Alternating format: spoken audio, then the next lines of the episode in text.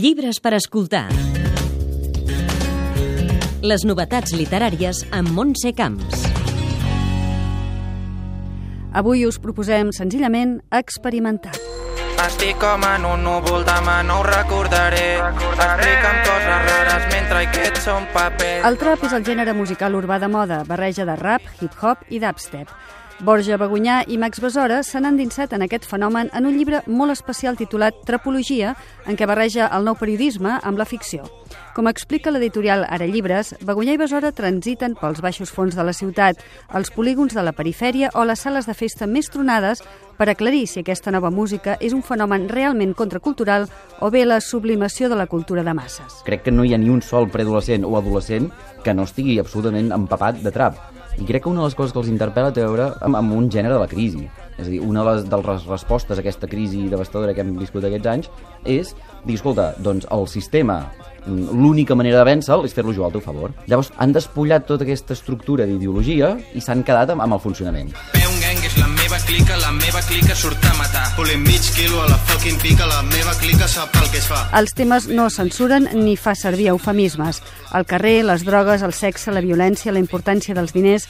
I Begoñà i Besora també ho confronten amb la cultura i l'estètica de Catalunya. Ho expliquen els experts d'ICAT. La tesi del llibre, o una de les tesis, és que el trap és, és d'alguna manera el retorn del reprimit de la cultura catalana. És a dir, tot allò que la cultura catalana, aquesta Catalunya que deies, ha hagut de deixar fora, la lletjor, la violència, la conflictivitat, tal de tal, eh, torna eh, amb, aquest, amb, aquest, amb aquesta mena de música urbana, a més a més, presumint i, i traient pit. Viena hay cuatro espejos donde juegan tu boca y los ecos.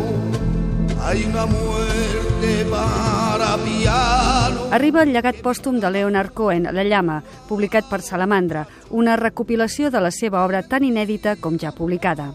Inclou poemes sobre la guerra, el penediment o l'amistat, com l'homenatge al seu amic Enrique Morente, que estem sentint, i aquí ell també va homenatjar el disc de culte Omega.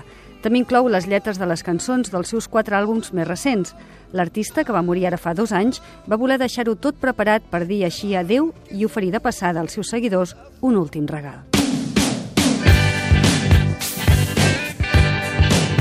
Acaba de sortir la tercera edició en un mes d'un dels llibres sorpresa de l'any.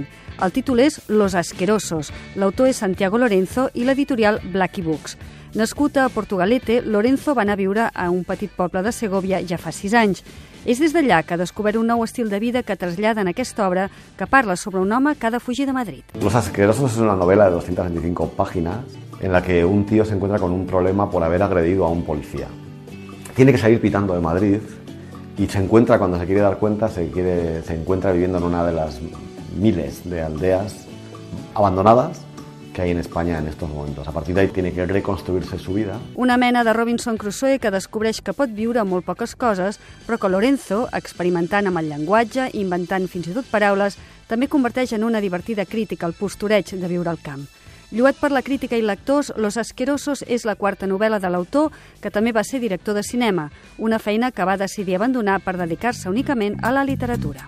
L'amor és un peix fent bombolles al vessal.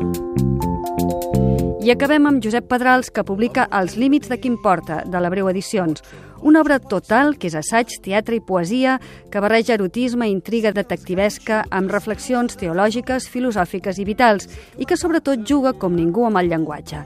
En definitiva, explora els límits que proposava, explica el filòsof i poeta grec Empèdocles d'Agrigento. Empèdocles deia que, que en cada moment havies de necessitar un tipus de discurs diferent i llavors jo vaig elaborant el llibre segons el tipus de discurs que anava necessitant i llavors hi ha contes, hi ha, hi ha novel·les, hi ha de tot. És a dir, és un repte, però és un repte divertit, perquè ho plantejo tot d'una manera molt juganera, com un espectacle, és a dir, és, és literatura espectacle, no? I, i en certa manera és, és a dir, si no t'agrada, no t'agrada, però almenys disfrutaràs una estoneta, no?